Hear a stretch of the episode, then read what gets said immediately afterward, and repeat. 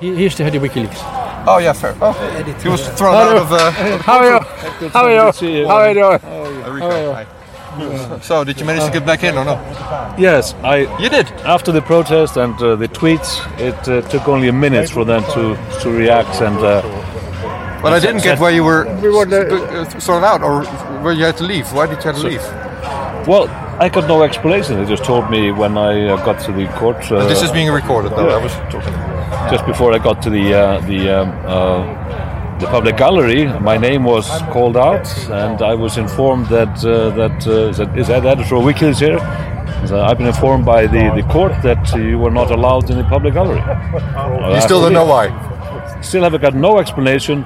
But after I announced this uh, uh, this outrage here, and, and people started tweeting it, uh, within minutes there was some reaction, and uh, uh, the the head of security here uh, came and uh, said this has, was some kind of a mistake.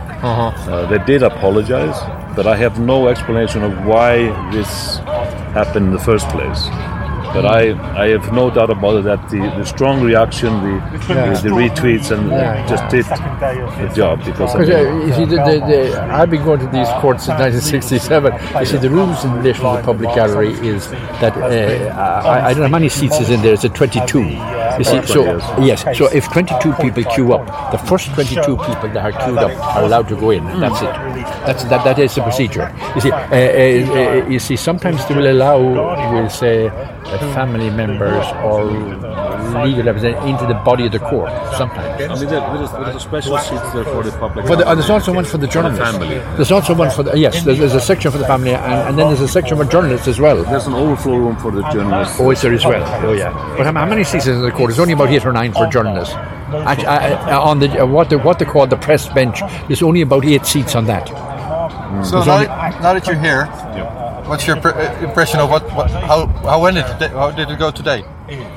Well, I, I, it, it's I mean the strength of the arguments that we are seeing piling up here against the uh, the, uh, the the hollowness of, of what is being presented uh, on the behalf of the U.S.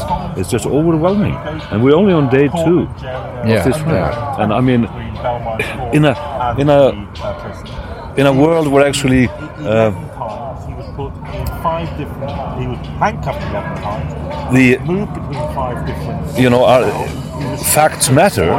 And In a judicial process where the law would matter, um, I wouldn't be concerned at all. Um, uh, My friend here, John Lewis, said earlier, if this was a jury trial, it would already be over. It's, it's such an overwhelming evidence being presented here already on day two. It should be game over already. But you're worried nonetheless. Of course, I'm worried. Just see the, the process. Just I've never experienced as a journalist for 30 years the, kind of process where where I mean, you can use that. concerned citizen and the public are thrown outside the premise of the court. Not just outside the building, but outside the lawn. Yeah. Good job, They, you they, they, uh, they, good they job, have been they have been demanding uh, uh, cards from the public. Do you have a card? Hi. So what do you mean? I am, me. So Yes. I'm, a, I'm a citizen reporter, right? I just Yeah. carry this device, and yesterday I was oh, okay to be there and talk to everybody. This morning, nobody's there except the police officer saying, "Where's your Where's your press card?" Well, uh, well, not just the press, but everybody else said, "Where is your card?" And, and people say, "I'm, I'm the public. I don't need a card." Yes, you Yeah. do need a card. So, what kind of world is this? Do you need No, a? yeah. Uh, do you, where do you get the card to be a, a yeah. citizen allowed into Yeah, a courtroom? yeah, yeah, yeah. What kind of is this? It's it's ridiculous. Bit. Good for you, mate. Just had to- you know who The only thing I didn't catch is your name. What's your name? Yeah, sir? my name is Jim Curran. Okay, Jim. Yeah. Brilliant. Thanks for talking. throughout the uh, publicly available information, publicly available to the U.S. as well as everybody else, to show that how the extradition request is construed on basically fabrications and misinterpretations, fully and knowingly by the U.S. And the judge has to take under consideration: is he being lied to in the document presented by the U.S. to the court in when they are de- demanding extradition? So that is was very strong. What was also of grave concern was the fact that the uh, uh, the treatment of Julian, you know, is horrendous. The, it- he was handcuffed 11 times yesterday on the way back and forth to the courthouse from the prison, which is just around the corner from here. He was strip searched twice in that process.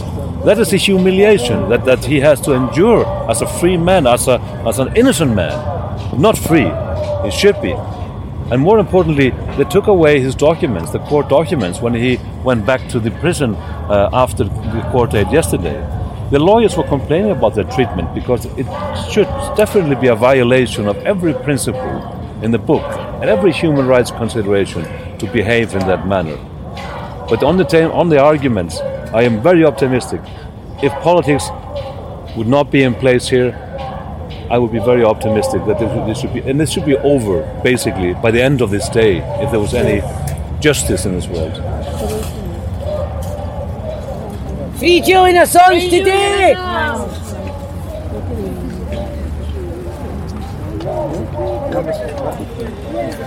We've also heard appalling details, yet more appalling details of Julian's treatment. He's being constantly strip searched. Uh, he can't have his court papers. His court papers are taken off him as soon as he leaves the court. He's not allowed to read the papers because the only time he's allowed the papers is while the trial is actually in process. He's given no time to read the papers uh, uh, and to participate in his defence. Uh, he's continually being harassed and, and handcuffed. Um, today, his his lawyer, uh, his Spanish lawyer, uh, left the court to go back to Madrid at the end of uh, this morning's proceeds, and Julian stood up to shake the hand of his Spanish lawyer, and he was physically restrained from shaking the hand to say goodbye of the lawyer. Uh, you know, this is absolutely appalling. Uh, wasn't Baltasar Garzón, no? Listen, uh, no, no uh, yes, uh, uh, yes, Yes. yeah, yeah. Uh, Well, he, he, he, was- the lawyer that was involved in the here in England for the extradition of state terrorist Pinochet. yeah, Jeremy yeah, Corbyn and myself were involved in that case. Yeah, yeah, yeah. They, you know, the physical abuse uh, continues, uh, and it's absolutely ludicrous. We saw the attempt to bar WikiLeaks from attending the court at all. Uh, they haven't worked out which one is me yet, which is, uh, which is fortunate. Did- did- so why was he sent out of the courtroom then? do You know. We never did discover. I mean, we were told the order had come down from the court office, which means the order had come from the judge. Yeah. Um, but why he, he was sent out, they, they, were- and we asked, and, and they refused to say.